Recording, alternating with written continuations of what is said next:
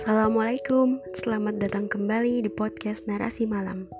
Kamu sedang mendengarkan kisah yang berjudul Aku, Kau, dan Perasaan Ini. Kisah yang merupakan seri selanjutan dari buku Aku, Kau, dan Perasaan Ini karya Sepertiga Malamku. Selamat mendengarkan.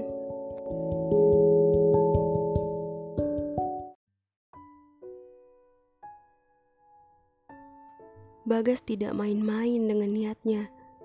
Tidak ada keraguan dalam kalimatnya.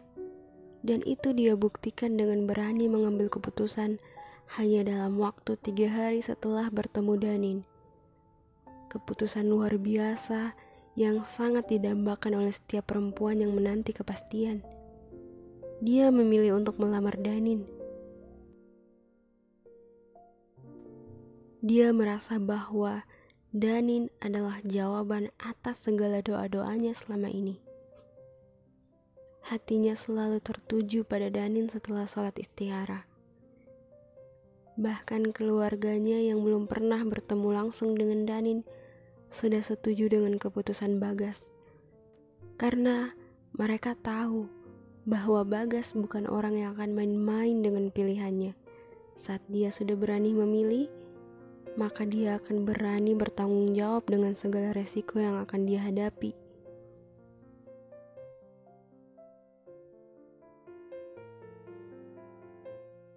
Sayangnya, Danin dan perasaannya masih belum sembuh. Dia belum bisa mengenali hatinya sendiri. Dia tidak tahu apa sebenarnya yang dia inginkan. Memilih untuk menerima ta'aruf Bagas hanyalah pelarian dari sakit hatinya pada Rifki. Tapi dia tidak menyadari itu.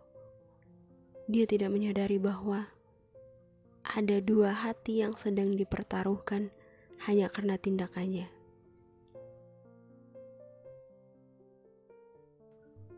Dito langsung segera menghubungi ayah Danin saat Bagas menyampaikan niat baiknya yang ingin segera melamar Danin. Assalamualaikum om. Waalaikumsalam nak Dito.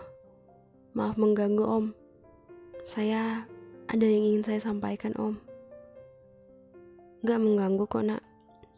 Iya ada apa? Begini om. Ini tentang Bagas dan Danin.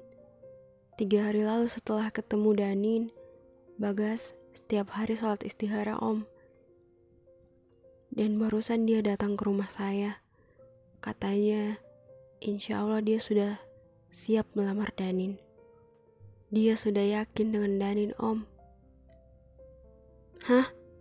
Dia kan baru ketemu sekali sama Danin. Masa langsung mau melamar? Itu dia, Om. Saya sangat mengenal Bagas, Om. Dia tidak pernah gegabah dalam mengambil keputusan. Dia selalu berhati-hati dan penuh perhitungan.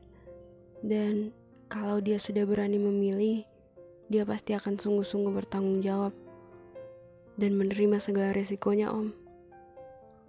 Saya tidak bisa menjamin apa pun untuk ke depannya, Om.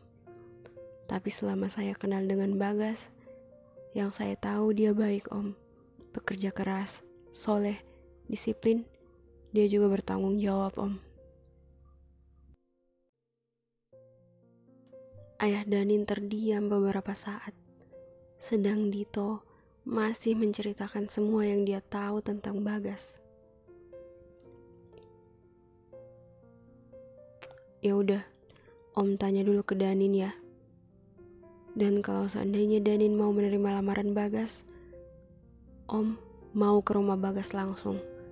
Mau ketemu dengan orang tuanya, mau melihat kesehariannya. Tapi yang ini kamu rahasiakan dulu ya. Baik, Om.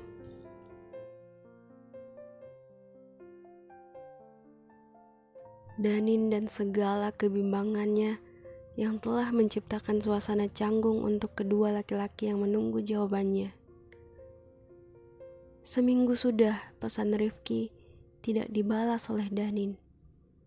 Dan sekarang malah Bagas juga yang meminta jawaban untuk masa depan mereka. Jadi gimana nak?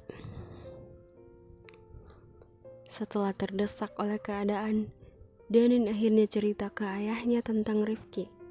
Dari awal sampai pesan terakhir Rifki yang ingin melamar Danin.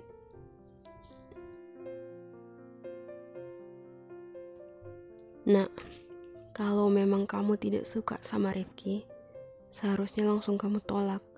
Bukan malah minta ta'aruf sama laki-laki lain. Ayah nggak ngerti dengan cara pikir kamu. Sekarang kamu sudah membuat dua laki-laki berharap kepastian ke kamu.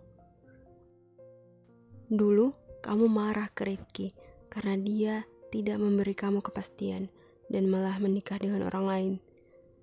Sekarang, malah kamu sendiri yang menggantung Rifki. Nak, balas dendam itu nggak baik. Biar Allah yang balas perbuatan orang yang jahat ke kita. Kamu lebih tahu bagaimana rasanya digantung dan tiba-tiba ditinggal nikah. Harusnya kamu tidak membiarkan orang lain juga merasakan hal itu, Nak.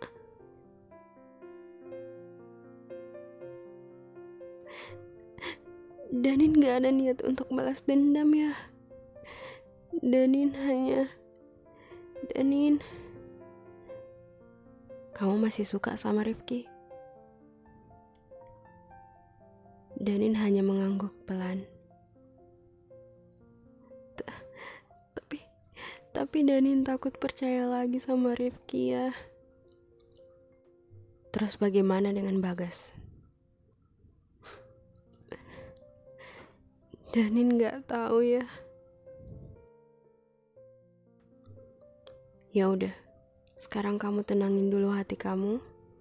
Sholat, minta petunjuk sama Allah Perbaiki dulu hubungan kamu dengan Allah. Sholat tepat waktu. Jangan lupa sholat tahajud. Jangan lupa sholat duha. Perbanyak zikir dan sedekah. Baca Quran dan jangan dulu banyak pikiran ya nak. Ayah akan bicara sama Bagas dan Rifki.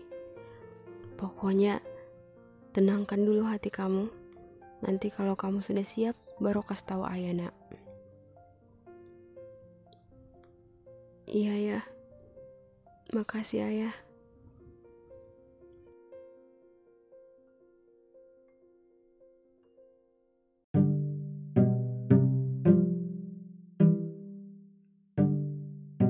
Terima kasih sudah mendengarkan. Untuk pembelian buku Aku, Kau, dan Perasaan Ini karya Sepertiga Malamku, kalian bisa klik link di bio Instagram Sepertiga Malamku.